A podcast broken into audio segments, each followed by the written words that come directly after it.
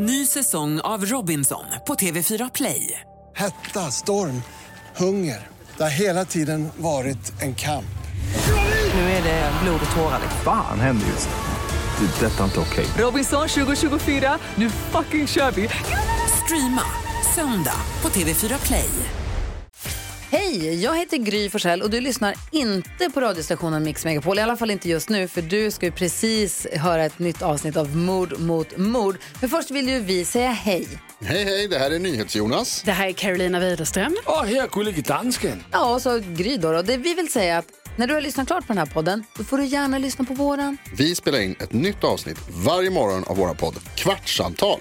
Och hela radioprogrammet blir ju också en podd om man är väldigt morgontrött eller så. Just det, om man missar morgonen ja. Men mest av allt så får du gärna lyssna på programmet i direktsändning varje morgon på Mix Megapol. Live varje morgon från klockan sex och då har vi med oss massor med vänner också. Thomas Bodström, Babben Larsson, Johan Pettersson, Christian Luuk.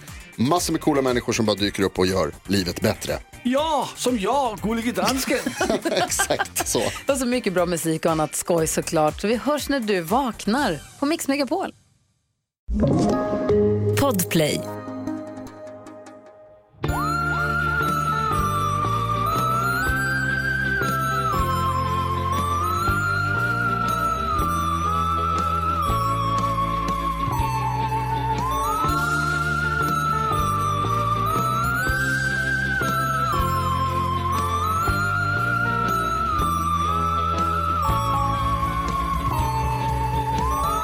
Då säger vi hej och välkomna till Mord mot mord, veckans avsnitt med Anna och Karin. Exakt. Det gör vi verkligen. Och precis som förra veckan så vill vi börja med att säga att vi från och med, och nu ska vi se, den 7 april sa vi va? Eh, då kommer våra avsnitt att släppas på onsdagar, precis som vanligt, fast bara på Podplay-appen. Precis. Så vill man kunna fortsätta ha sin onsdagsrutin med att man lyssnar på oss, då behöver man ladda ner Pod- Podplay-appen. Det är gratis att göra det, skaffa ett konto. Eh, och sen så kan man lyssna på oss, men också förstås massa, massa andra poddar där. På alla andra plattformar så kommer förstås vi fortsätta släppa podden, men på torsdagar. Exakt. Bra, då, då fick vi Superbra. det ur, eh, ur världen. Bra att du sa det. Mm, eller hur? Jag tänker att vi kanske vi får lägga in det. När tror du att flest lyssnar på vår podd?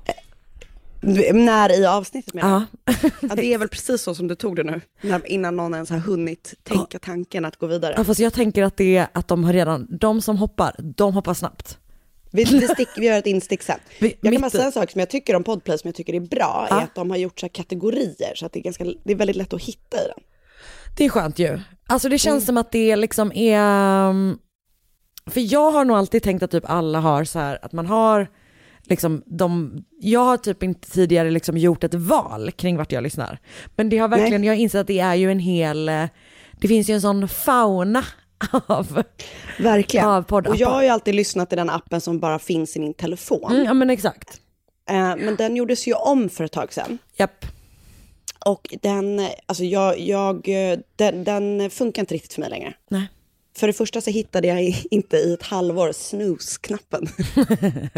Bra. Bara en sån sak. Ja. ja men så nu har du, är du inne och, och liksom eh, testar loss på Podplay då och känner dig Det nöjd jag, och exakt. glad? Jag känner mig nöjd, jag känner mig nöjd och glad. Allting Bra. finns ju där. Bara, bara, och sen så liksom, när man lär sig hur det är kategoriserat och så här, så är det väldigt lätt att hitta. Bra, Så det är bra. Mm. det är skönt. Ordning och reda. Ordning och reda, det älskar ju jag. Det vet ju du. Ordning och reda, mord mot mord i Podplay-appen på onsdag. Det är inte lika Precis. catchigt som det här med pengar på fredag. Lite. Tack. Tack snälla. Du har, du har the gift of making slogans. Verkligen, men vet du vad? Vet du vad som jag Nej. gillar?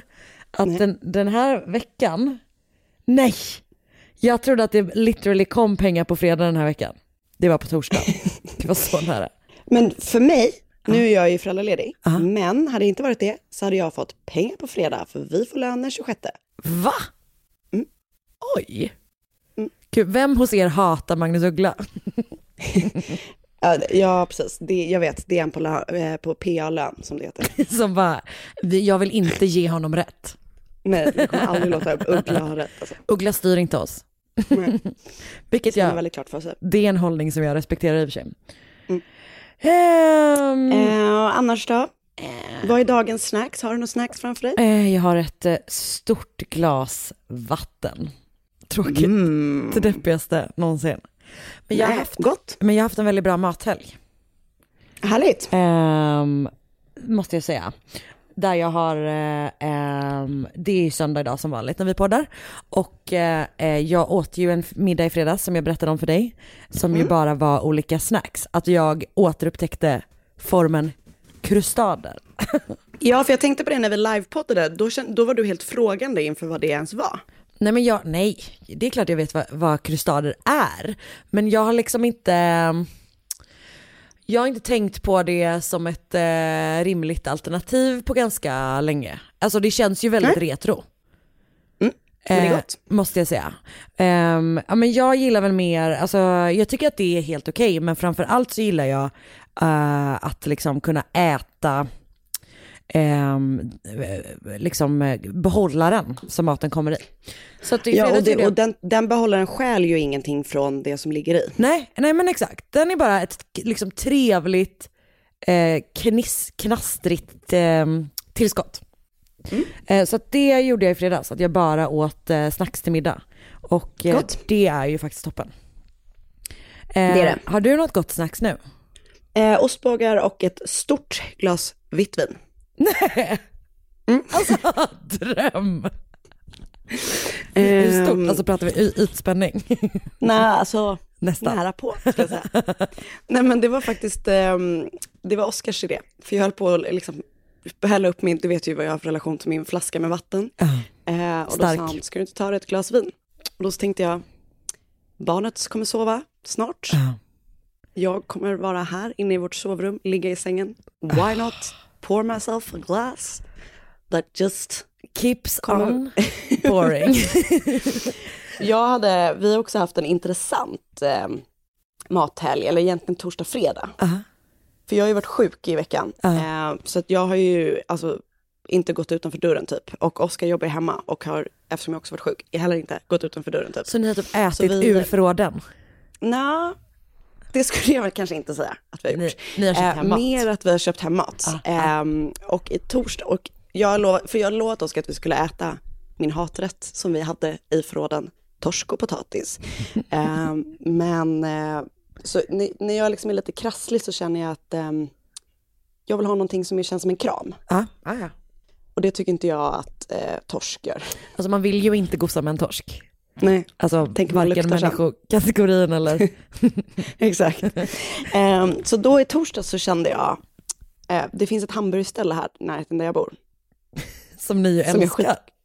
som jag älskar. Som jag, jag har pratat om den, de är så jävla goda hamburgare. Ja. Alltså de är så jävla goda hamburgare. De, det är lite fåniga namn på hamburgarna, men de är skitgoda. Så då i torsdags beställde vi hem därifrån. Jättegott, jättegoda pommes frites, kom hemkörandes. Mums. I fredags så har vi då fortfarande, vill jag fortfarande inte äta torsk.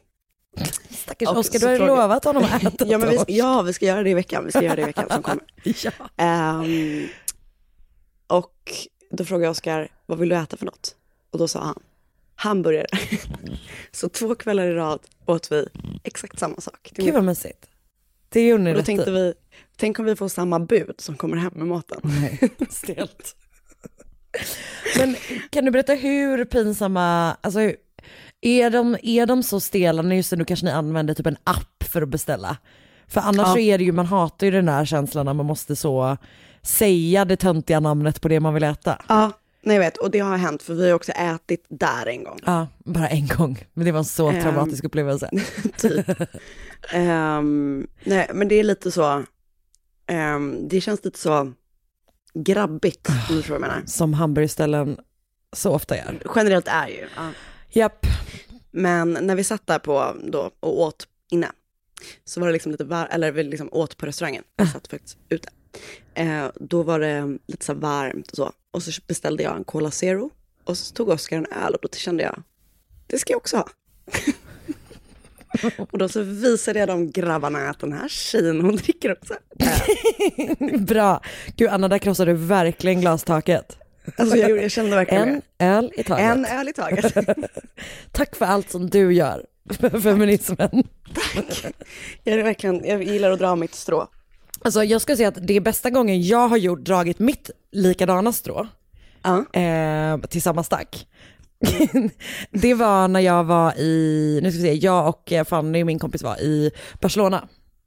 Och satt på en, eh, en restaurang, en fiskrestaurang i Barcelona.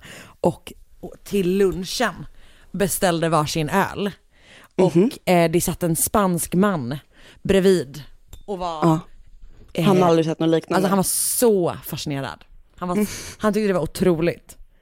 Så att där kände jag verkligen att jag, ett litet, en liten öl för Karin, men en stor öl En stor öl för kvinnligheten. för kvinnligheten, för kvinnorna.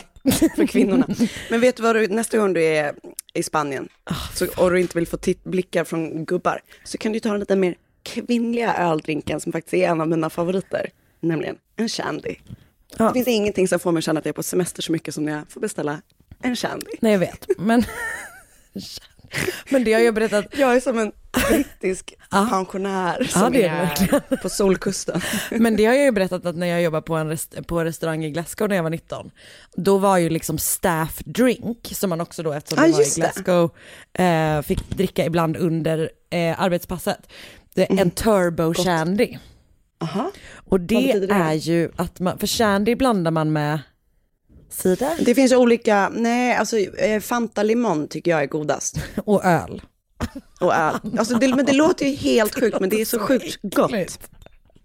För vissa blandar med Sprite, det är inte alls lika gott. Okej. Det blir alldeles för sött. Då ska jag berätta för dig att en turbo shandy var, eh, jag vet inte om det här är ett, liksom ett befäst uttryck, men det var verkligen det på den restaurangen. Turbo shandy är alltså hälften öl, Stella tror jag det var, liksom riktigt ljus öl. Mm, och. Eh, hälften Smirnoff Ice. Fy fan vad gott. Okej, det är min, när pandemin är över, Ja, då är det din signature drink. då är det, det, då är det min drink jag kommer dricka på alla nattklubbar. Men Anna, det är som att du inte ens bryr dig om jämställdheten i det här landet. just det, just det.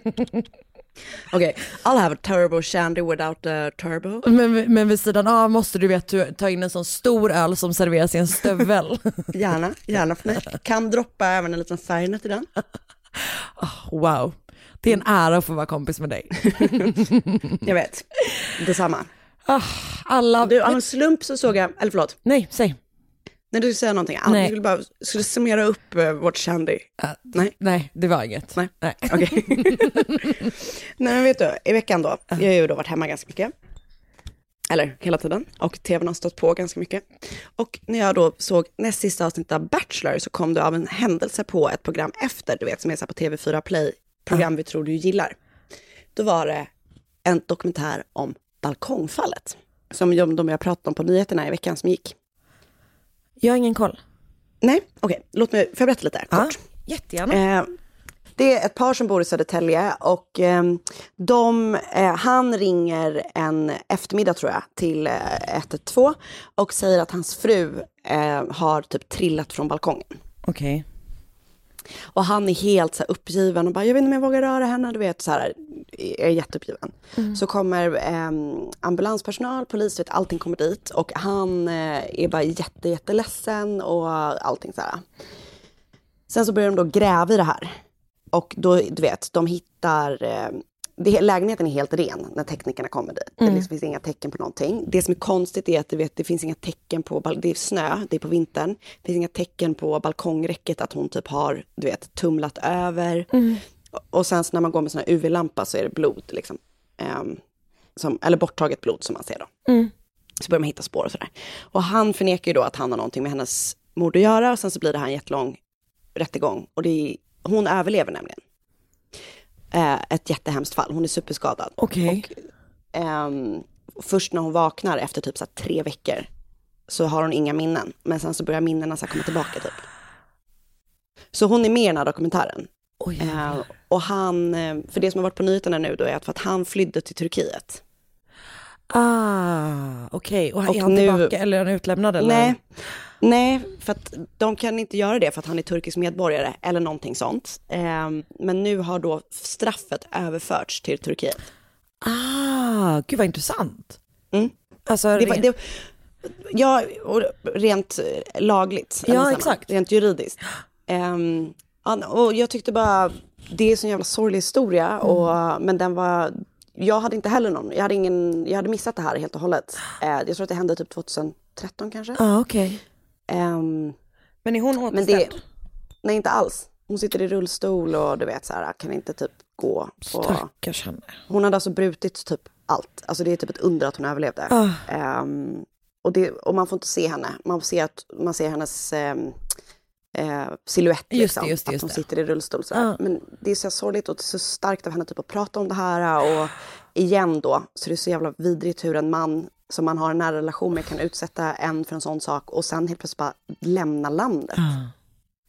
Ja, den, fanns på TV, den finns på TV4 Play och jag tyckte faktiskt att ehm, den var bra. Det var bara två delar, så tror jag. Jag, bara, jag fanns bara två delar när jag kollade i alla fall. Ja men bra, bra den var bra. tips. Men nu tänker jag att vi... eh, Vi kör Ja. igång. Ja, japp. Refunder är en tjänst som gör att du får pengar tillbaka när du handlar på nätet. Det känns som att folk typ sitter hemma och handlar saker på nätet ganska mycket just nu, eller? Alltså det är verkligen hemmashoppatider och som mord mot mord-lyssnare så kan du gå in på refunder.se mord mot mord och bli medlem där och eh, göra ett köp inom två veckor så får du dubbel återbäring på ditt köp. Alltså du får dubbla mängden pengar tillbaka. Exakt, så att med Refunder i allmänhet får du pengar tillbaka när du handlar saker på nätet. Om du går in där på refunder.se mord dubbelt så mycket pengar tillbaka. Det är helt otroligt. Och för att hitta de bästa dealsen så kan du ladda ner Refunder-knappen så hjälper den dig att hitta det du söker efter. Så refunder.se, mord, bli medlem där, få pengar tillbaka när du handlar på nätet. Hej! Ny säsong av Robinson på TV4 Play. Hetta, storm, hunger. Det har hela tiden varit en kamp. Nu är det blod och tårar. Fan händer just nu. Det. är Detta är inte okej. Robinson 2024, nu fucking kör vi! Streama söndag på TV4 Play. Ett poddtips från Podplay. I fallen jag aldrig glömmer djupdyker Hasse Aro i arbetet bakom några av Sveriges mest uppseendeväckande brottsutredningar. Går vi in med hemlig telefonavlyssning och, och då upplever vi att vi får en total förändring av hans beteende. Vad är det som händer nu? Vem är det som läcker? Och så säger han att jag är kriminell, jag har varit kriminell i hela mitt liv men att mörda ett barn, där går min gräns. Nya säsongen av Fallen jag aldrig glömmer på Podplay.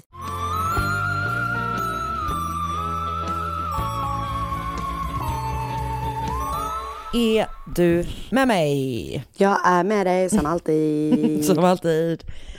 Det här är ett tips Mm. som jag har fått av en vänlig själ som heter Moa som har tipsat mig på Instagram om det här fallet. Och hon hade då läst om det här fallet i en, vad jag själv kan tycka är en, liksom en underskattad true crime-källa, nämligen Hemmets Okej. journal. Jag älskar det. Ja, alltså jag med. Älskar verkligen. Vi ska till Everöd, Skåne. Året är 1942. Så det är gammalt, men inte sådär 1800-tals gammalt i alla fall. Vi håller Nej. oss på 1900-talet. Men det är, fortfarande, det är fortfarande ett annat sekel. Det är det, det, är det sannerligen. det, kan, det, det kan jag inte sticka under stol med. Eh, det är ett väldigt liksom, eh, det är ett väldigt sorgligt fall det här. Eh, Ni Okej. kommer förstå varför. Så Anna Persson är 54 år. Hon är liksom en så här vänlig, eh, snäll kvinna. Eh, hon bor i ett hus i Tryde socken eh, i Everöd och det är då den här socken som liksom som har eh, gett henne till att, att bo i det här huset. Eh, det är liksom någon slags så här fattig vård eller typ med någon slags socialstyrelse som har sett till henne att hon får bo i det här huset.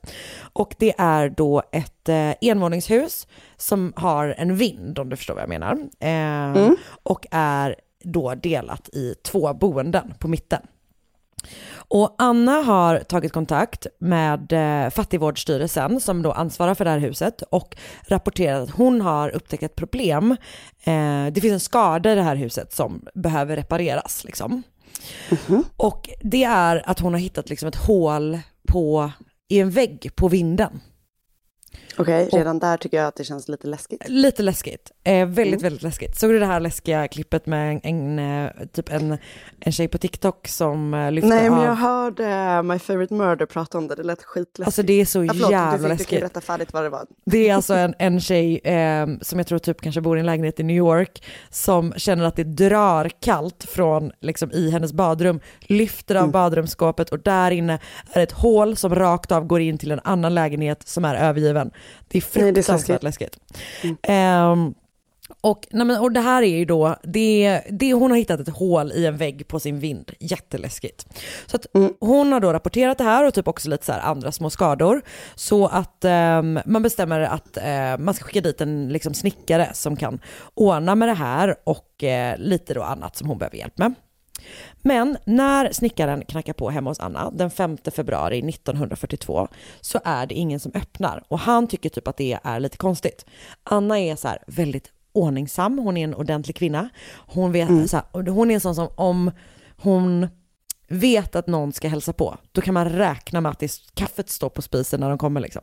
Ja, jag fattar. Ehm, så han tycker det är konstigt, men han bestämmer sig för att så här, komma tillbaka dagen efter, helt enkelt. Han gör det, ingen öppnar då heller. Och sen så kommer han tillbaka en tredje gång och nu är det då lördagen den 7 februari. Och eh, hon öpp- öppnar fortfarande inte. Då bestämmer han sig för att gå och hämta länsman. Och, Jag vet inte varför jag skrattar, men det är typ för att jag inte riktigt vet vad det är. nej men det är någon slags polis bara. Okej. Eh, även det finns ju något, vad hette han, du vet han som, eh, vad heter han, Tore Hedin va? Ja. Som var, för det kan också ha varit en sån person. Ja, men just det, just det, just det. Ehm, som ju heter Fjärdingsman. kan det också. Ännu svårare. Det kan ha varit något åt det hållet. Men ja, det verkar ha varit länsman. Det är väl för att det låter så jävla Pippi Långstrump. Verkligen. Men han går i alla fall och hämtar, hämtar länsman. Och Här länsman... kommer kling och klang. Exakt, precis. Jag hoppas och tror att eh, det var bättre status och nej, standard på polisarbetet i det här fallet. Och det var det faktiskt hoppas också. det också. Eh, men länsman och eh, snickaren går då, eh, de liksom går tillbaka till Anna Perssons hus och knackar på, ingen öppnar. Och då börjar polisen så här, gå runt huset, kolla genom fönstren. Och när han kollar in eh, genom köksfönstret, eller ett av köksfönstren, så ser han Anna ligga livlös på köksgolvet. Och han slår sönder fönstret och klättrar in och inser då att Anna är död. Hon har ett så här krossår i bakhuvudet och ligger nedanför trappan med liksom så här vedträn typ spridda runt henne. Och Okej. snickaren, han är fortfarande med. Han har klättrat in efter länsman. Och han är så här, oj gud, hon måste ha, hon måste ha trillat i, em, i trappan när hon var uppe och hämtade ved liksom. Men länsman tycker att det verkar lite konstigt. Att Anna ska ha ramlat. Hon är, det är kul, för det är en källa som står det typ så här, hon var visserligen 54 år, men hon var stark och pigg. Man bara, just det, det kanske var, eh, det ansågs ändå äldre då. Nej, men hon är Ja, men liksom, alltså också, jag tror att folk som var 52 1942, eller 54, alltså de var ju Gamla. som 80-åringar är nu. Exakt, nej men verkligen. Men, men Anna Persson är inte sån, utan hon är liksom så här, hon är pigg och stark och kry typ. Så att han Mm. tycker att det liksom är konstigt att hon ska ha trillat. Och han tycker att hon ska ha trillat, alltså att det är konstigt att hon ska ha trillat så illa att hon har dött helt enkelt. Ehm, så han tar då kontakt med, här kommer en till, landsfiskalen. Mm. Eh, och berättar om det här fallet, om den här kvinnan som har hittat stöd. Och även landsfiskalen tycker att det eh, verkar lite konstigt. Så han skickar ut rättstekniker från Lund till Everöd. Everöd verkar ligga typ utanför Tomelilla tror jag. Okej. Och eh, när de... Tomelilla. Exakt. Och när de då undersöker Annas kropp lite närmare så inser de att så här, hon har liksom ett rött märke som löper runt hela halsen.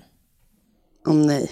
Och man drar då slutsatsen att mycket riktigt har Anna inte trillat i trappan, utan hon har fått, någon har slagit henne i huvudet med liksom någon slags trubbigt föremål och sen har någon strypt henne. Så att man har ju bara försökt få det att se ut som att det har varit en olyckshändelse. Men i själva Mm. verket så har vi ett mord på våra händer. Dam, dam, dam, dam. Japp. Så polisen börjar söka igenom huset och kommer fram till att det inte verkar ha varit liksom ett vanligt inbrott. För att det, det saknas inte så mycket saker. Eller saknar Mm. ingenting som man, som man kan liksom lägga märke till. Och man tycker också att det är märkligt att dörren är låst. Och så hittar man ett band. Eh, det står eh, liksom snöre på något ställe, står band på något ställe och så rep på något ställe. Men, men åtminstone det man kommer fram till att hon har, alltså att man har använt för att strypa Anna. Okay. Det ligger liksom slängt i ett hörn och är liksom så här blodfläckat typ. Så framåt lördagskvällen så börjar polisen knacka dörr i området för att ta reda lite mer om Anna Persson och hennes liv. Och det visar sig att Anna är liksom en väldigt, väldigt omtyckt kvinna i Everöd. Hon är så här snäll och trevlig och ordningsam. Eh, ingen har så här ett ont ord att säga om henne. Det verkar som att hon lever ensam, alltså, eller hon lever ensam åtminstone vid den här tiden. Alltså, jag, har inga, jag hittar inga källor som nämner typ att hon har barn eller en man eller sådär, utan jag tror att hon, att hon bodde själv. Ehm, och det finns ju liksom inga, så det finns inga anhöriga att förhöra på det sättet, men, men många så vänner och bekanta vittnar om, eh, om en sak som kommer att ge polisen en liksom första riktning för utredningen. För det visar sig att Anna har haft en väldigt dålig relation till sin grannfamilj. Alltså de som bor i andra delen av samma hus. Vilket gör mig Mhm. så stressad. Alltså, Alltså, jag, panik att ha en dålig relation till en granne även när man bor liksom i ett lägenhetshus. Tänk att vara Ja. de enda två personerna. Vidrigt. Och i den delen så bor det, de har liksom varsin trappuppgång så här. Det huset är, huset är delat sådär. Och i den andra delen då så bor det en familj med en mamma och två barn. Mamman heter Eva, hon är 50 år och barnen heter Anna och Helmer, de är 15 respektive 12. Och mamman Eva, hon har ett jävla rykte på byn kan man säga. Jaså? Alltså hon beskrivs som så här att hon, alltså hon, det verkar som att, så som hon beskrivs så är det som att hon bara drar runt på byn och typ skäller och gormar och kastar sten på folk. Men gud, vad otippat på Ja. vis ändå. Ja, nej men att hon är verkligen så här, folk är typ livrädda för henne eh, och hon har jättesvårt att få liksom ordning på sitt liv. Hon drar runt på bygden och gör sig ovän med folk, eh, startar bråk och, och håller på liksom. Evas öknamn är Trasslan, vilket är, jag är ledsen men ett urgulligt öknamn. Men, men man hade inte velat ha det för Nej, att nej, folk bara, alltså "Ah, vidrigt. igen. Vidrigt när man säger det om en, liksom, en, en vuxen kvinna eh, som man är, typ, tycker är, är störig på stan. Men, Mm. men i allmänhet så låter det bara som något, så här, något, något gulligt man kallar ett, ett eh, Ja men jag fattar vad du menar, barn, jag, typ. jag, jag håller nog med. Lilla trasslan. Exakt, jag kommer kanske stjäla det till mitt barn. Beroende på hur trasslig hon blir. Ehm, och eh, alltså så här, jag tror ju att hon har lidit av någon slags psykisk ohälsa. Men Antagligen. bilden av henne, alltså som den både beskrivs i typ dåtidens och nutidens media, uppenbarligen har nutidens media bara dåtidens media och typ polisförhör att gå på. Hon beskrivs som en person som så här, vägrar göra rätt för sig, vägrar arbeta. Och jag har väldigt svårt att tro att någon person eh, väljer att typ så här, inte kunna ge mat till sina barn. eh, Det är klart. När de är, när, om, de, om de skulle kunna. Det är liksom inte, så är ju inte människor, utan antagligen så Nej. har ju hon eh, någon slags problem som hon inte har fått hjälp med helt enkelt. Mm. Eh, och familjen får liksom mat, boende och kläder och sådär av då den här fattigvårdsmyndigheten eller vad det är. Så det är därför de har hamnat i samma hus liksom.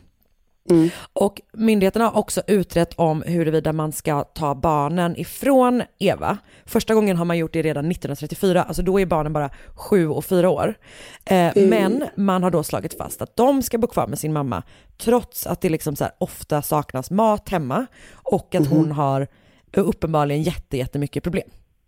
Ja. Eh, och barnen har då, eh, kan man ju liksom förstå, de har det nog inte superlätt helt enkelt. Eller de har det absolut inte, inte, inte lätt. Eh, och de har också fått så här rykte på bygden som så här problem makers, shit starters verkligen. Mm. Och eh, äldsta dottern, alltså, eh, eller ja, dottern Anna, hon verkar ha haft någon slags liksom, kognitiv nedsättning. Ehm, och eh, du vet, som alltid när man, när man så läser i sådana här gamla fall så är det så här, hon var långsam, hon var typ inte så be, alltså klent begåvad, sådana omskrivningar har de alltid. mm, mm. Eh, men Helmer är väldigt smart, han är eh, duktig i skolan, han är liksom så framåt, men han beskrivs som elak. Och att alltså verkligen så här, typ en, ett ont barn är verkligen hur han Gud vad beskrivs. hemskt. Eh, och att han så här, du vet, ger sig på djur och båda två kanske typ så här stjäl från sina grannar. Alltså att de typ också kan så här kasta sten och hålla på. Eh, alla i den här familjen verkar må jätte, jättedåligt och ha det väldigt, väldigt tufft. Och det går liksom ut över hela Everöd och alla som kommer i kontakt med dem. Och jag vet inte riktigt vem barnens pappa är. Det jag vet att hon, eh, att Eva var gift med en man tidigare, som jag, som jag tror är pappan. Eh, men han har inte flyttat med familjen när de flyttade till Everöd. Och det är typ eh, liksom runt 1930-talet tror jag. Eh, eller 30-talets början. Så de bor då granne med Anna Persson i det här huset. Nu kommer jag kalla Anna Persson för Anna Persson eftersom dottern också heter Anna. Och jag kommer bara kalla henne för Anna. Jag tänker på Anja Persson. Det var det enda jag kunde höra när du pratade. Ja, om hon är inte inblandad vad jag vet. Nej, nej. Men om, om någon behöver Jag komma in och göra det. sälen på slutet, då ringer vi Anja. Det är, jag tror att det är Anja Persson som gör sälen som målgest. Ja, ja. Vinstgest, vad heter det? Vinsthäst. Segrar. Segrar move. Gest. Bra. Eh, går toppen det här känner jag. Absolut. Okej. De bor då granne med Anna Persson i det här huset och det är liksom ingen jättebra relation som har vuxit fram mellan de här två kvinnorna. Nej. Anna Persson har liksom först försökt typ så här, ta sig an barnen och du vet så här, hjälpa dem och, och ge, dem, ge dem grejer. Men hon och Eva har liksom hamnat i en allt mer eskalerande konflikt och hon har liksom dragit sig undan från den här familjen så gott hon kan. Förståeligt nog liksom. Och ehm, den här konflikten har då liksom totalt ballat ur och eh, man har så här, det, det finns vittnesmål om att, att Eva vid flera tillfällen har hotat Anna till livet. Hon har bland annat sagt, sagt saker som jag ska slå in skallen på dig och jag ska dränka dig en dag. Nej. Mm, inte toppen. Och dessutom så berättar då grannarna och så andra personer på bygden att Anna, Anna Persson har känt en allt större frustration över eh, att hon, för hon har blivit ganska säker på att de stjäl från henne. Och hon misstänker då att det här hålet i väggen på vinden har familjen gjort för att kunna gå in i hennes lägenhet eller i hennes, i hennes bostad och stjäla av henne när hon inte är där. Och det de stjäl framförallt är mat. Men... Gud vad sorgligt Ja, vet, det är fruktansvärt sorgligt. Och du vet, Alltså, det är också så här, inte. det här är också under, liksom mitt under brinnande eh, världskrig med Mm. ransoneringar som ju uppenbarligen drabbade alla, men fatta hur det drabbade de allra fattigaste liksom, helt utan nej. inkomst. Eh, det måste varit bara fruktansvärt liksom. Mm. Och grejen är att Anna Persson är så rädd för Eva att hon vågar liksom inte anmäla det här till polisen. Nej. Så det typ bara pågår och nu har hon hittat stöd. Eh, så polisen är så här, okej, här har vi uppenbarligen hittat någonting. Det här, här finns liksom en fruktansvärd relation med någon som har typ verkar ha haft tillgång till hennes bostad. Eh, så de bestämmer sig då för att, att prata med grannarna och de har fått höra att Eva ofta inte är hemma utan att hennes barn ofta är ensamma. De går dit i alla fall. De går nog dit också lite grann därför att de tänker typ att det kan vara bra att de kan prata med barnen ensamma, vilket de också gör. Ehm, det hindrar, alltså att de kommer dit och Anna och Helmer är själva hindrar inte polisen från att börja förhöra de här barnen. Ehm, de vet inte typ så här, de vet inte riktigt vad deras mamma är och de säger att de inte heller vet vad som har hänt deras granne Anna Persson. Mer än att de har så förstått att hon då har råkat ut för en olycka och att de har liksom sett så poliser och sådär runt huset. Så de vet ju om att, att hon har gått bort liksom. Men de säger att de inte, att de inte vet vad som har hänt sådär. Och Helmer är den som sköter snacket, Anna nickar liksom mest med. Men eh, när polisen börjar liksom rikta sina frågor till henne så får de en känsla av att barnen kanske vet lite mer än vad de erkänner. Ja. Deras historia börjar liksom spricka upp mer och mer och eh, men polisen så här, drar sig undan, lämnar huset och har då inte ännu fått prata med Eva. Så på måndagen efter, eh, vad är vi på då, nionde va, eh, så är de Mm. tillbaka i huset och de bestämmer sig då för att ta med sig barnen till polisstationen för att prata vidare med dem där. Och då är Eva hemma, så man tar med sig hela familjen och börjar förhöra dem eh, på stationen. Och Eva nekar liksom all kännedom om vad som har hänt Anna Persson. Eh, hon berättar väl att de har haft en dålig relation säkert, men hon har inte haft någonting med hennes död att göra. Och. Helmer står då fast vid samma historia han berättade, som han har berättat kvällen innan. Men när polisen förhör 15-åriga Anna händer någonting. För hon kommer snart att berätta sanningen. För hon vet mycket väl vad som har hänt Anna Persson eftersom det var hon och Helmer som mördade henne. Nej. Det visar sig alltså att de här barnen, som sagt 15 och 12 år gamla, de har, precis som Anna Persson misstänkt, stulit av henne. De har stulit Mhm. mat från hennes skafferi genom det här, alltså genom att gå genom hålet på vinden. För att de har varit jättehungriga, helt enkelt.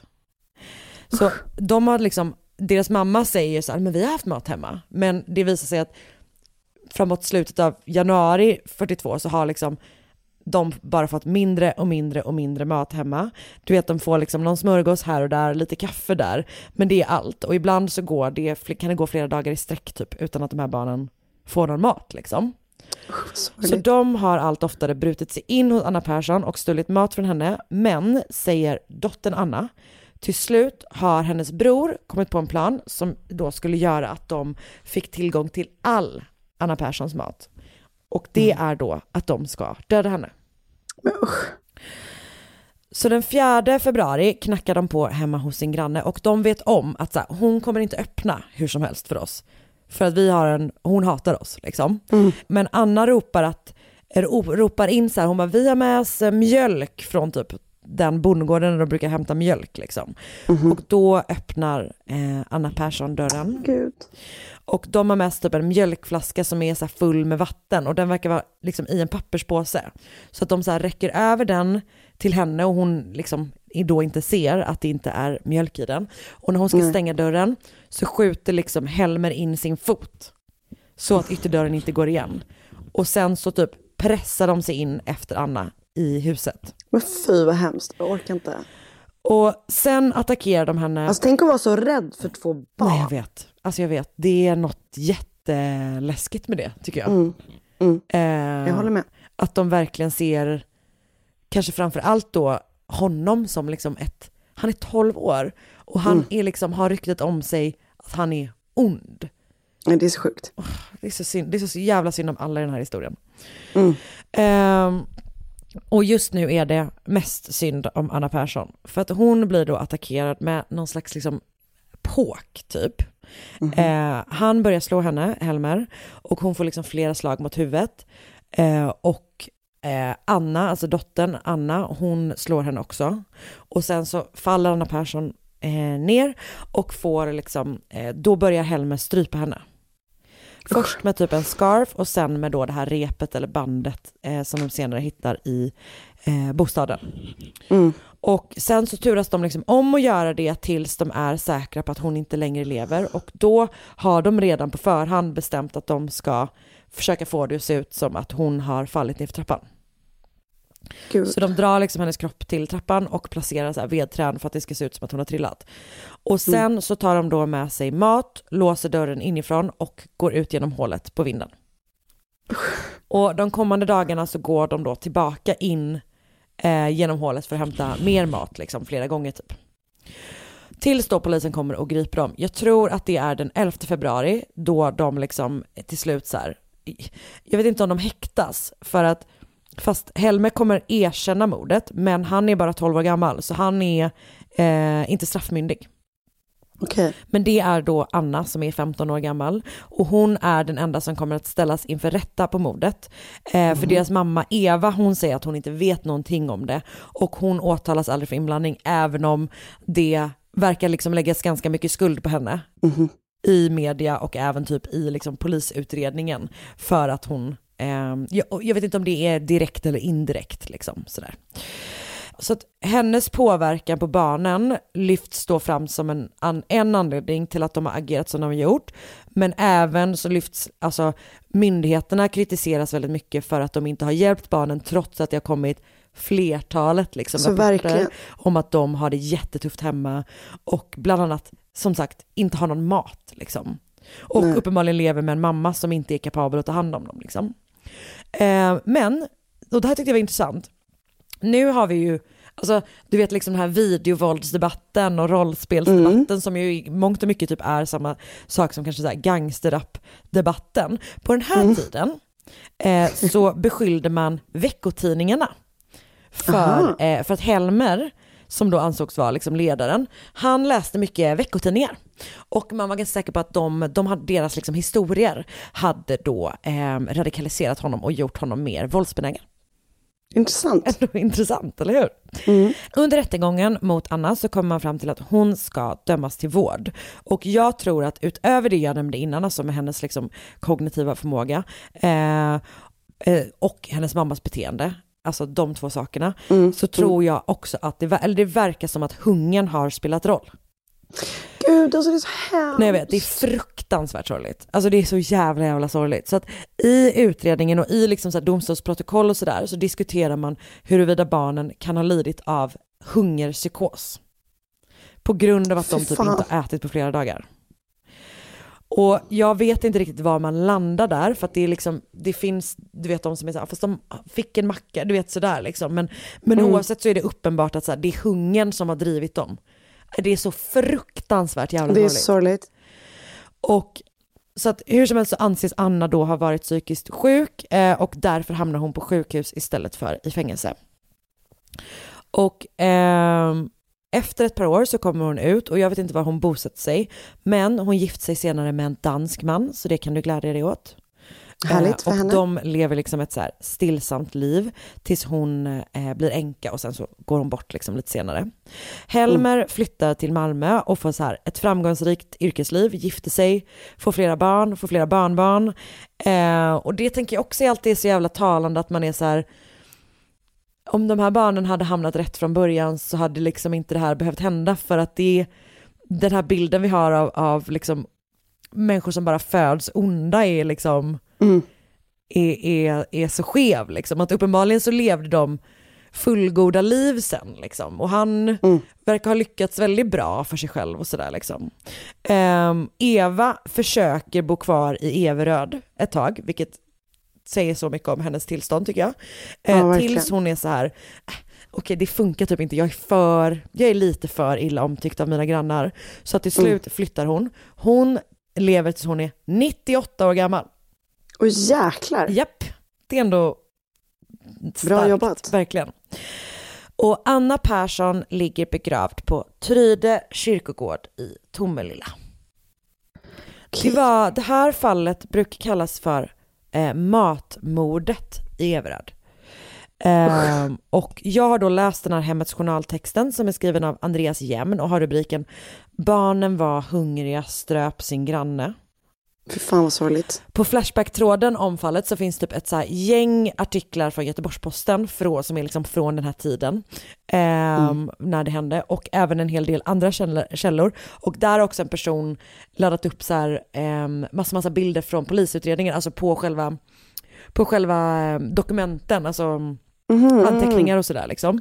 Eh, Så att man kan liksom läsa ganska mycket om hur de typ resonerade på den tiden. Intressant. Mm. Ehm, och sen så har jag också läst en artikel i Ystads Allehanda av Rebecka Sjöberg som har rubriken Matmordet skakade Everöd. Så sorgligt att det kallas för det. De var så hungriga. Alltså det är så jävla jävla heartbreaking. Det är så fruktansvärt jävla sorgligt.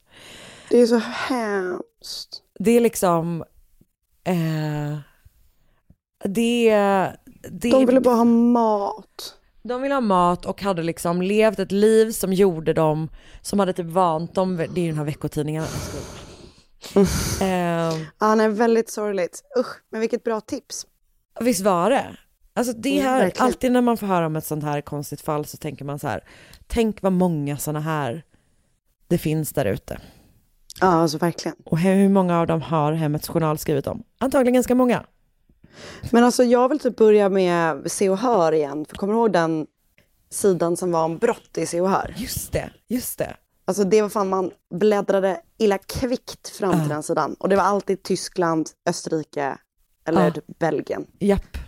Men vet du vad, du all the borde... weirdos. Alltså om du verkligen... Stay the fuck out of Centraleuropa. om du börjar prenumer- prenumerera på Se och Hör så börjar jag Mm. prenumer- prenumerera på Hem- Hemmets Journal så, kan vi, så är vi liksom klara med vår researchprocess sen. Alltså 100 procent. Eller hur? Bra. Bra jobbat. Ja, då hörs vi nästa vecka. Det gör vi. Eller nej, först har vi en vi grej hörs- till. Stanna, stanna, stanna. Stopp, stopp för helvete. Ny säsong av Robinson på TV4 Play. Hetta, storm, hunger. Det har hela tiden varit en kamp. Nu är det blod och tårar. Fan händer just det. Det. är Detta är inte okej. Robinson 2024, nu fucking kör vi! Streama söndag på TV4 Play. Ett poddtips från Podplay. I podden Något Kaiko garanterar östgötarna Brutti och jag, Davva, dig en stor dos skratt. Där följer jag pladask för köttätandet igen. Man är lite som en jävla vampyr. Man har fått lite blodsmak och då måste man ha mer. Udda spaningar, fängslande anekdoter och en och annan arg rant. Jag måste ha mitt kaffe på morgonen för annars är jag ingen trevlig människa. Då är du ingen trevlig människa, punkt. Något Kaiko, hör du på Podplay. Därför är gardinerna.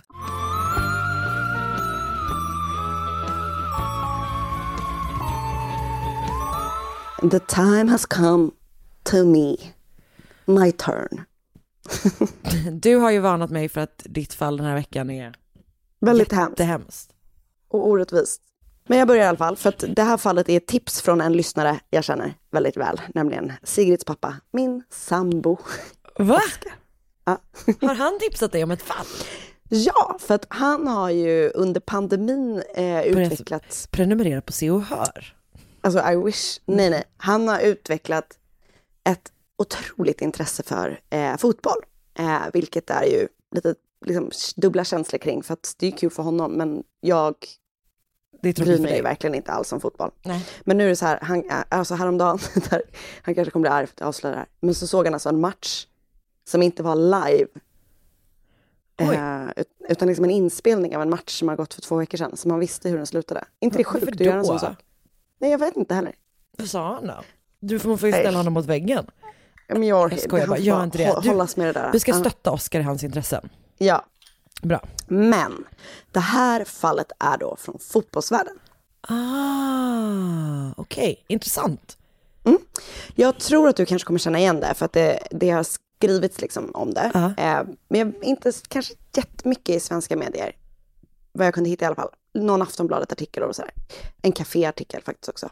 Eh, men, och det, det är sjukt och hemskt på så många olika nivåer. Så att, eh, jag, jag liksom kör nu bara. Ja. Den 23 december 1984 så föds Bruno de Sousa i favelorna i Ribeirão das Nevas i Brasilien. Han har det då som man förstår när han föds i favelan. Det är väldigt tufft när han växer upp. När han är tre månader gamla, gammal så lämnar hans föräldrar honom. Och han växer då upp med antingen hans mor eller farföräldrar.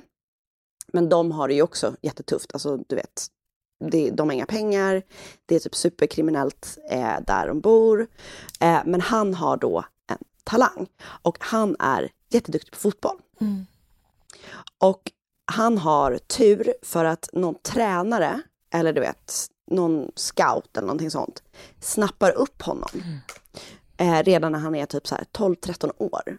Eh, och hjälper honom då bort därifrån och vidare så att han liksom typ kan så här Alltså han har hoppat av skolan i tredje klass. Alltså han är så här, du vet, Ja. har ingen utbildning, har inget eh, säkerhetsnät överhuvudtaget. Men den här tränaren då hjälper honom eh, vidare. Och i eh, de lite så senare tonåren, typ 16-17, så börjar han spela fotboll professionellt i ett lag som spelar typ i motsvarande division 2 i Sverige. Och sen så börjar han liksom eh, spela sig uppåt. Och hans position är i eh, lagen som han spelar i är att han är målvakt då. Och eh, han är jättebra på det. Alltså han är skitgrym fot- mål, målis liksom. Och eh, eh, det var någon match där det beskrivs att han alltså har räddat ett skott på sitt egna mål. Sparkat bollen tvärs över till det andra målet och alltså gjort mål på det sättet. Alltså sådana saker är typ det bästa jag vet, sådana jävla cirkusmål. det känns så jävla oseriöst. Jag tror att det är eh, liksom beskrivning, beskrivande av hur intresserad jag är av fotboll. Men ett sånt där unlikely Nej, men det är så otroligt. Ja. Jag tycker ju till exempel då, här, eh, häromdagen nu när man annonserade då att Zlatan ska tillbaka in i Då eh, blir du glad. landslaget. Nej, nej, det blev jag faktiskt inte. För jag tycker han är lite ego, jag tycker han är för ego. Okej, där sätter du ner Men-. Vet du vad, det är den mammigaste åsikten du någonsin haft. Jag, jag tycker inte, Jag tycker inte om till exempel att han la ut på sin Twitter så här, the God is back. Nej, men han är ju... Alltså, han är ju liksom... jag klarar inte av sådana människor. Nej. Men då pratade vi i alla fall om i någon match där han alltså gjorde typ tre mål eller fyra mål på en match, varav ett var ett bicicletamål. Ah, det tycker jag är ganska tufft. Vet du vad jag också verkligen kan älska? En flygande Nej. målvakt. Absolut. Karin, det hade du varit, för du är en slitvarg. Du hade inte bara varit i målet, du hade varit all over the place. Alltså jag var ju målvakt, eftersom min bror Ja. var det. Ja. Men jag var mer back, för där, där är man ju en riktig slitvarg. Alltså som jag sprang och vad få Var man- mål jag då gjorde. kämpar man. Ja. Och kämpade så hårt, fick så lite gjort. Stackars Karin, jag, jag tror du var fantastisk. Back i alla fall. Jag vet inte riktigt. Jag tror att jag hade varit en... Eh, Du hade ju varit så, the God is back. jag hade nog varit det, fast jag hade varit skitdålig. Jag bara, jag tar forward position och sen så är det bara så här såsat omkring där kring målet. Alltid gjort, sett till att det blev offside för att jag alltid var för nära mål. och. Lite fotboll kan jag ju, Ja, som jag gud. Jag vet till exempel vad en offside är och sådär. Ja men vet du vad, offside-regeln har liksom killar medvetet så här höljt i typ eh, mysterie i alla tider. Det är inte ens svårt att förstå. Alltså de vill ju bara få det att, få det framstå Nej, de vill bara kunna mystiskt. skrika själva mot, eh, mot tvn. Offside! Och så ska alla tjejer vara så här, Vad är det? Jag kan berätta i Facebookgruppen vad det är, för, för de som inte vet. jag skojar. Eh, Breaking okej, those glass ceilings. Okej, fortsätt. Ehm, nej, och sen börjar då i motsvarande division 2 och sen så börjar han då spela sig uppåt. Eh, Efter några år så blir han, alltså typ tidiga 20, så blir han målis i ett av Brasiliens mest populära lag som heter Flamengos. Och efter något år där så blir han också lagkapten i laget. Så han har liksom det måste gått fort. klättrat sig upp. Och privat då, så Bruno gifter sig tidigt och det är lite olika i lite olika källor. För enligt vissa källor så är det liksom med en kvinna som han då sen fortsätter vara gift med. Men enligt ganska många andra källor så är det att han gifter sig tidigt, skiljer sig och sen träffar han en ny tjej som han gifter sig med. Och Mm. att den tjejen då är barndomskärlek. Vet inte riktigt vad som stämmer. Han är i alla fall gift med en kvinna som heter, alltså där vi befinner oss i berättelsen framåt, är han gift med en kvinna som heter Diana Rodriguez. Och de tillsammans får två barn, två döttrar. Så när Bruno är 25-årig, 25 år gammal så är livet ganska nice för honom kan man säga. Han har en fru som säkert är jättehärlig. Han har två säkert jättegulliga barn. Han har en superkarriär framför sig i det här jättepopulära laget där han är lagkapten. De ska du vet in i VM. De, man tror att han kanske kommer bli utplockad i VM-truppen eller om det var EM-truppen. Jag vet Mm. inte riktigt. Ehm, han tjänar en miljon pund om året och eh, han verkar liksom vara the shit i fotbollsvärlden i Brasilien. Och i Brasilien är ju fotboll liksom the sport. Mm. Eh, och han kallas du vet för bara Bruno i Brasilien. För att han är vet, en sån it-kändis typ. Jag älskar, de har ju så stark relation till sina eh, fotbollsnamn i Brasilien, att de Mm. får sådana eh, liksom stjärnnamn. Så exakt. Jag gillar den. Eh, den eh, Men jag tycker det är intressant med, eller jag tycker det är härligt med en nation som är så här jätteduktiga på en sak. Då Brasilien är jätteduktiga på fotboll. Och så är det liksom, man liksom andas fotboll. Ja, vad tycker Lite du att så Sverige som vi gör här hemma. Ja men vi får väl kanske typ eh, claima... Bandy? Innebandy? Innebandy, Innebandy exakt. får det För bli. det, det är väl typ Schweiz och Sverige som är liksom stora i innebandy. så det får bli Men vi, innebandy då. men vi kan konkurrera ut dem. Det, det blir innebandy. Bra. Ja. Ehm, Okej, så han har liksom mycket going for him, verkligen. Men du vet vad man säger, mycket vill ha mer. Nej då. Laget Flamengos eh, och säkert alla andra fotbollslag eh, världen över brukar och antagligen, eller brukade, men antagligen brukar eh, ha så fester i tid och otid där dit de tog eh, sexarbetare som då alla spelare typ köpte sex av. Så vet, det bjuds på så här droger, alkohol, jättemycket mat och så är det liksom kvinnor där som eh, spelarna eh, betalar för. Alltså mer och mindre uppenbart tror jag liksom att du vet Vissa är typ så flickvänner. För, ja, du förstår vad jag menar.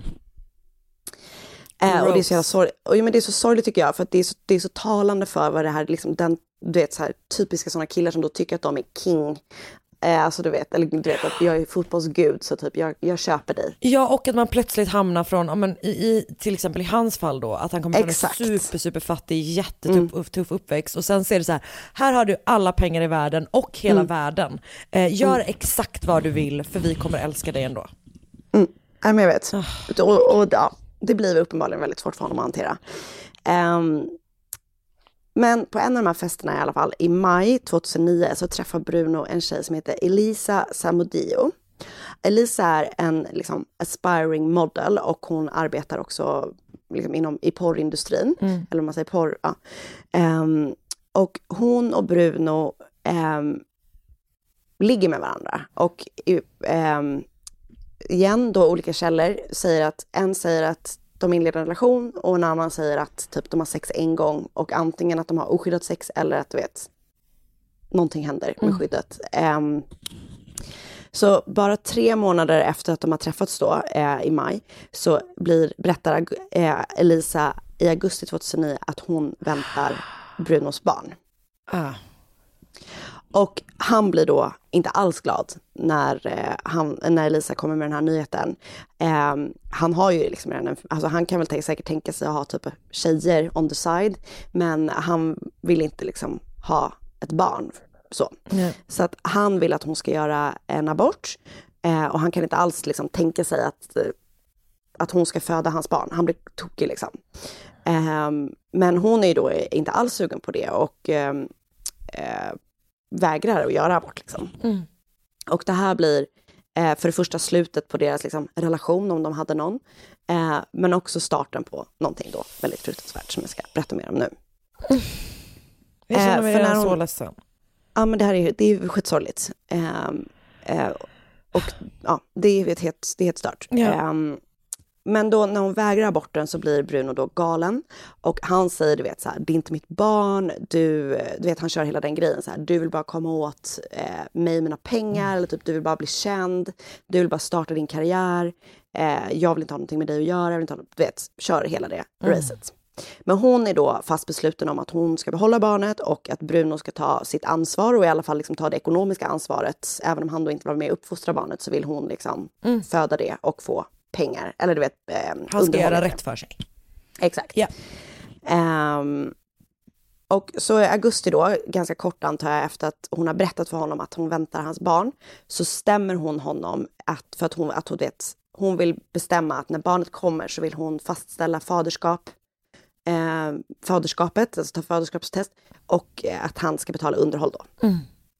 Och det här gör då eh, Bruno ännu argare. För liksom, han är ju typ inte van att så här, någon käftar emot, eller käftar emot, det var verkligen helt fel, att någon du vet Bara, ja, gör ja, någonting som in- han inte vill. Ja, Hon, nej, hon är nej. helt, det är helt rimligt det hon gör. Men han då ja, blir asarg. Så i oktober samma år, alltså 2009, får Elisa anledning till att gå till polisen.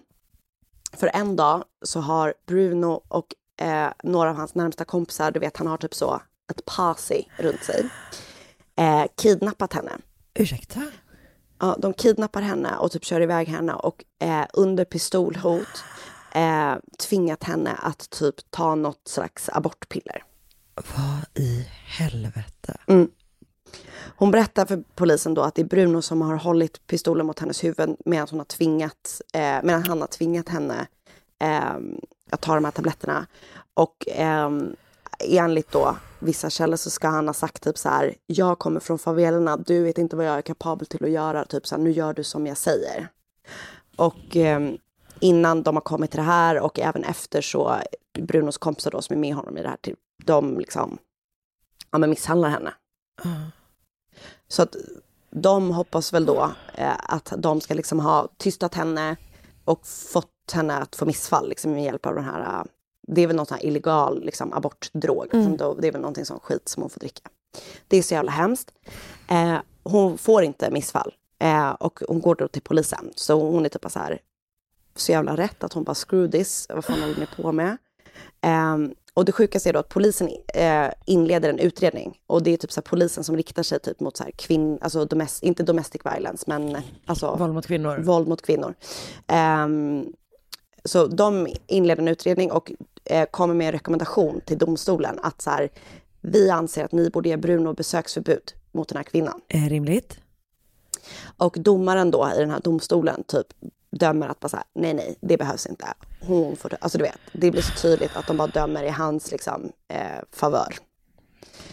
Ja, men Eh, också så det bara händer- den maktskillnaden i typ så här, en superuppburen fotbollsspelare kontra typ en Exakt. kvinna som eh, har fått, blivit gravid utanför en relation och, eller utanför Mm. äktenskap och typ har en bakgrund eh, inom porrindustrin.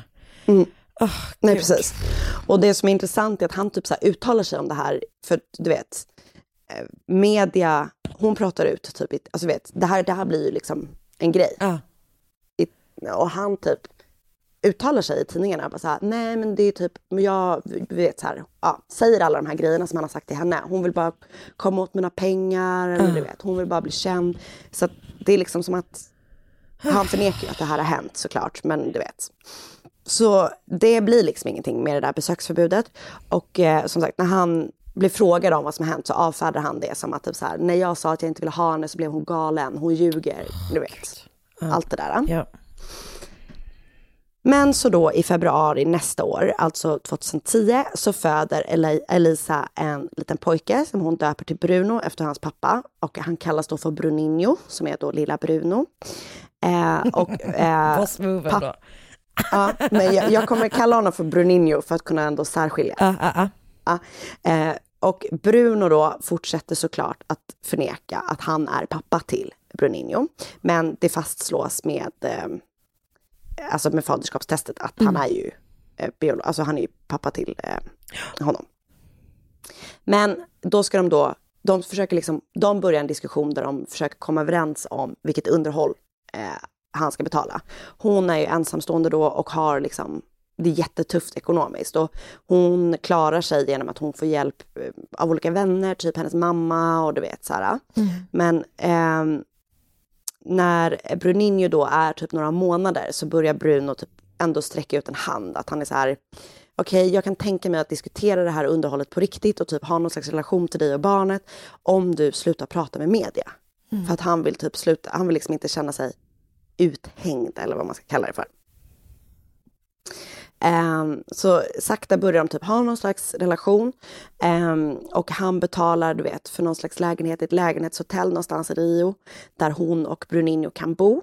Och så håller de då på att diskutera det här uh, underhållet. eh, som hon ska få för Bruninho. Och hon begär typ runt 40 000 kronor och eh, Bruno tänker sig typ mer 12 000 kronor.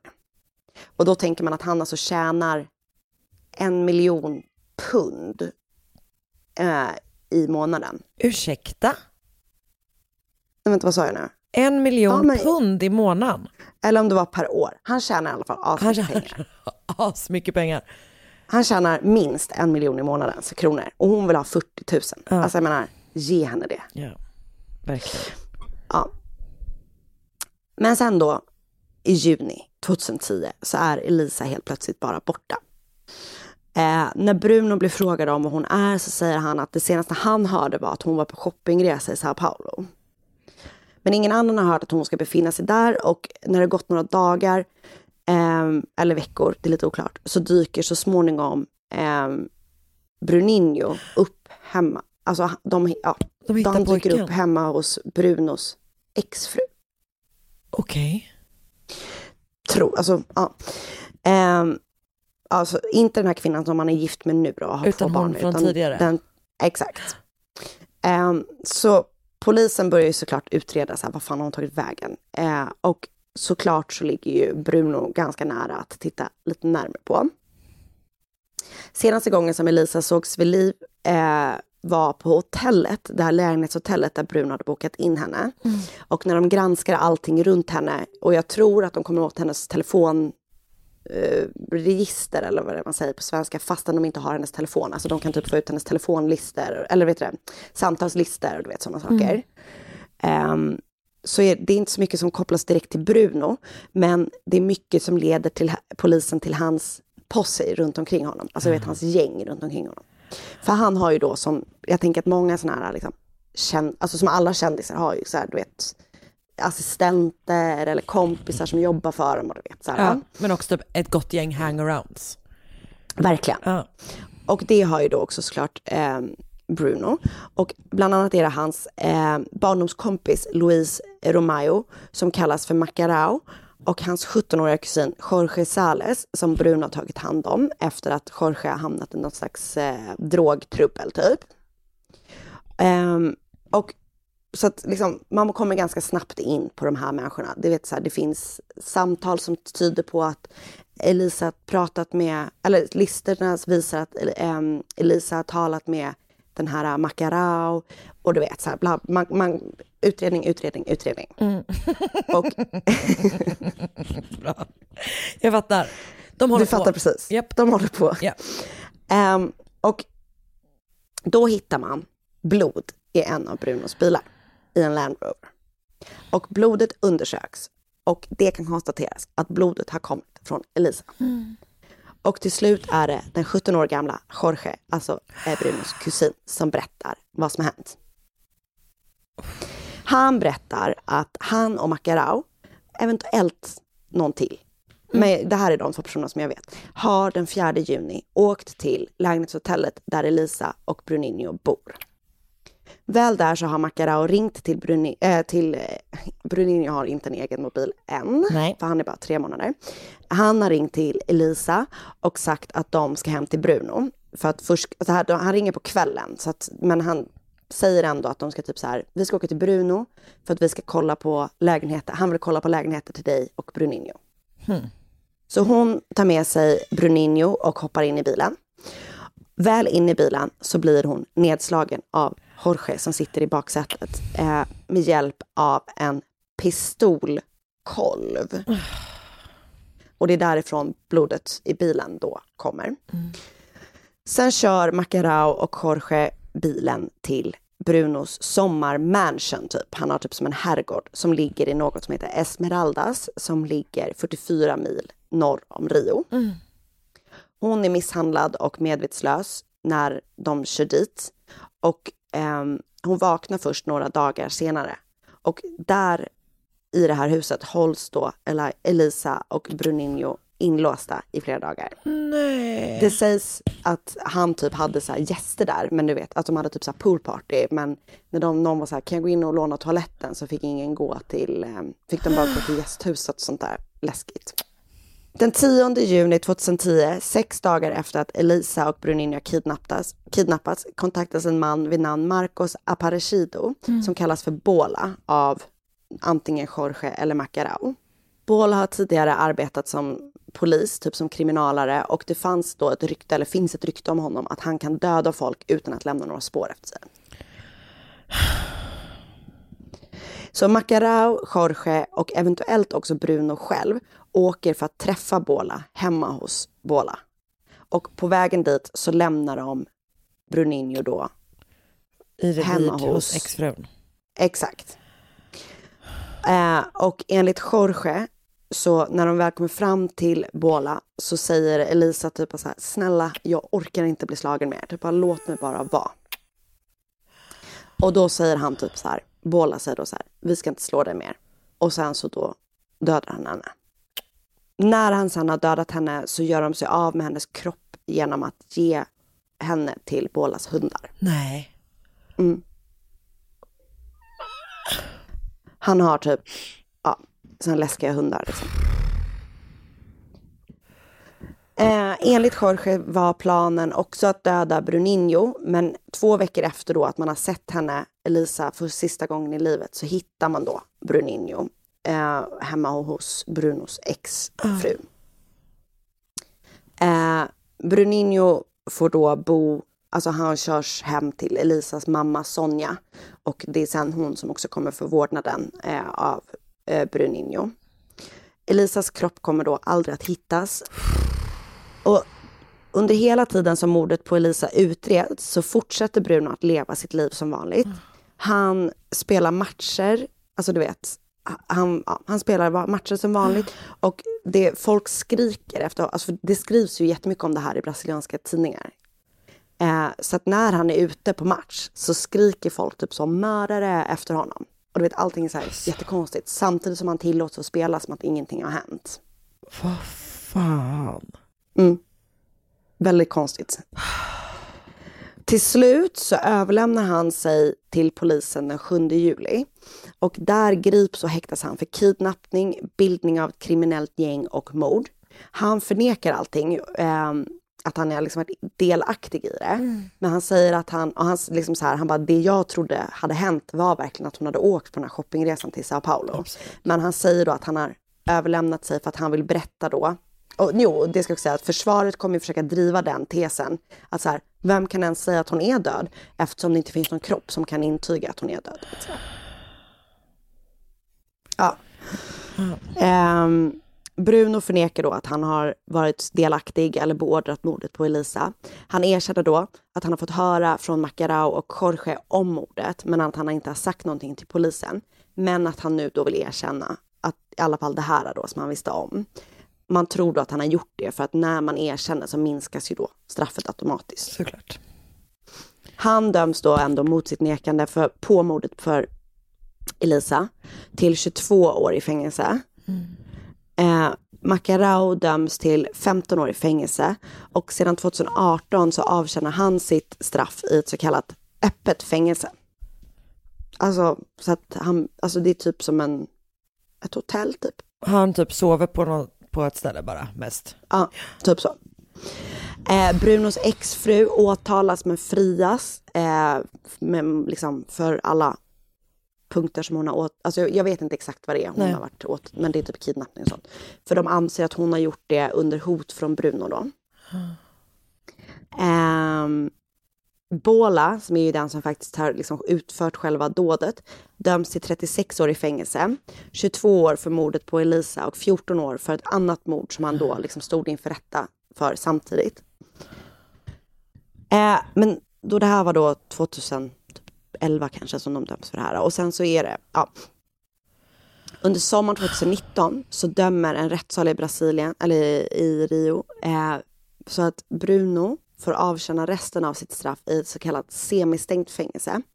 Vilket innebär att han typ behöver vara där på dagarna ibland och på nätterna ibland. Men han får typ sova hemma när det liksom behövs. Alltså du vet, det verkar bara som att han behöver vara där och typ registrera sig. Och när sa du att det här var? 2000? 2019. Och när, när, hän- när dömdes de först? Eh, när- 2011. Okej, så det är liksom åtta år senare då? Ja, men redan innan det här så, var det en- har han fått komma ut och spela fotboll ibland. Oj. Som vanligt med sitt lag. Va? Mm.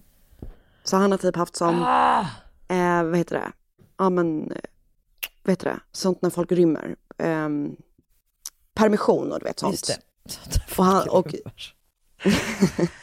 men och du vet att han mitt under sitt fängelsestraff, Ah. alltså signar ett kontrakt med något fotbollslag och sånt. Alltså det är som att folk alltså, Skiter verkligen i henne. om. Ja, Ja. nej. Fy fan vad sorgligt. Och efter den här då liksom delvisa frisläppningen i 2019 så är det flera lag som har närmat sig honom igen och vill att liksom, han ska börja spela i deras lag. Alltså, tänk att vara hennes anhöriga. Nej, det är så vidrigt. Och Brunos advokat har då sagt att Bruno gärna vill integreras i samhället igen och han, eh, det enda han kan är att spela fotboll. Så därför liksom är det ju rimligt att han då ska göra det. Typ. I en tv-intervju, tju- alltså nu i, januari, eller nu, i januari 2020, så för drygt ett år sedan, så sa Bruno People don't want to give me an opportunity. They don't want to let me work. They talk about me on social network, but who is going to put, eh, to put food on my table? Ja, det verkar ju som att det typ står fucking fotbollslag i kö för att få göra det. Mm. Jo, jag vet, men liksom när folk då ifrågasätter varför han, att han ska då få göra det, så är det här då typ hans svar, så bara, varför skulle jag inte få göra det? Alltså typ. Det är Också ja. bara att du kidnappade henne och hade henne som fånge medan du hade Mm. fester utanför. Nej, nej. Och, och liksom under lång tid misshandlade henne. Mamman till ditt eget Ah, gud det är så jävla Mm, nej, det är så vidrigt. Han har också sagt då, jag tror att det var i samma tv-intervju, att han gärna vill få kontakt med Bruninho igen. Och då så sa han, I would like to tell him everything that happened and ask for forgiveness. It's his decision to accept it or not. Och det här tycker ju då, alltså Sonja då, eh, för jag läste en artikel i BBC Sport, Mm. där då hon uttalar sig och hon tycker ju, alltså det finns ju, hon kan ju typ inte tänka sig någonting värre. Nej. också bara förklara för honom vad som hände. Mm. Absolut. Jättesugen på det. Ah, gud vad sorgligt. Så det är så jävla sorgligt och det var då mordet på Elisa Samodio och det är så jätte... mm, Fruktansvärt. Fruktansvärt hur, eh, liksom bara för att han var känd så typ kom han undan med det här. Ah shit alltså. Mm. Och jag har då läst en artikel på BBC Sport som heter Bruno, the Brazilian goalkeeper imprisoned over kidnap murder of former lovers, skriven av Fernando Duterte. Duarte. Eh, jag har läst Wikipedia såklart, olika Wikipedia-sidor. Eh, och sen så har jag läst en artikel på café.se som heter Målvakten dömdes för bestialiskt mord på älskarinna har fått nytt kontrakt. Skriven av Henrik Brandau Jönsson. Och sen eh, har jag läst en artikel på The Sun som har en väldigt lång artikel som jag länkar till. Eh, eller eh, jättelång eh, Rubrik, som de alltid har. Mm. Ja, men den är skriven av Nick Pritchard och jag lägger den i gruppen också. Det där var så sorgligt. Väldigt sorgligt. Mm. Och det var också ett liksom bra tips från din kille, måste jag säga. Mm.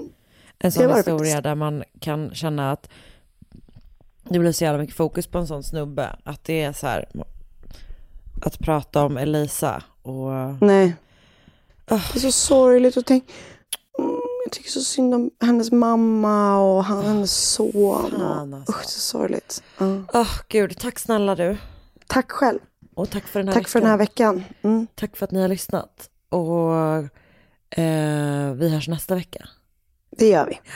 Och eh, om man vill önska fall eller tipsa som fall och Mm. inte är eh, Annas kille, kan man göra det på Instagram. Tog, Det tycker jag. Erkänn du tog Oscars önskning men du krävde att han skulle göra den på Instagram. Absolut. Han, han skrev faktiskt till mig på Facebook för jag hade gått och lagt mig. Bra, mycket bra. Ehm, men för er andra gäller Instagram, där heter Anna Atsandel. Anna och jag heter att Karin Londre.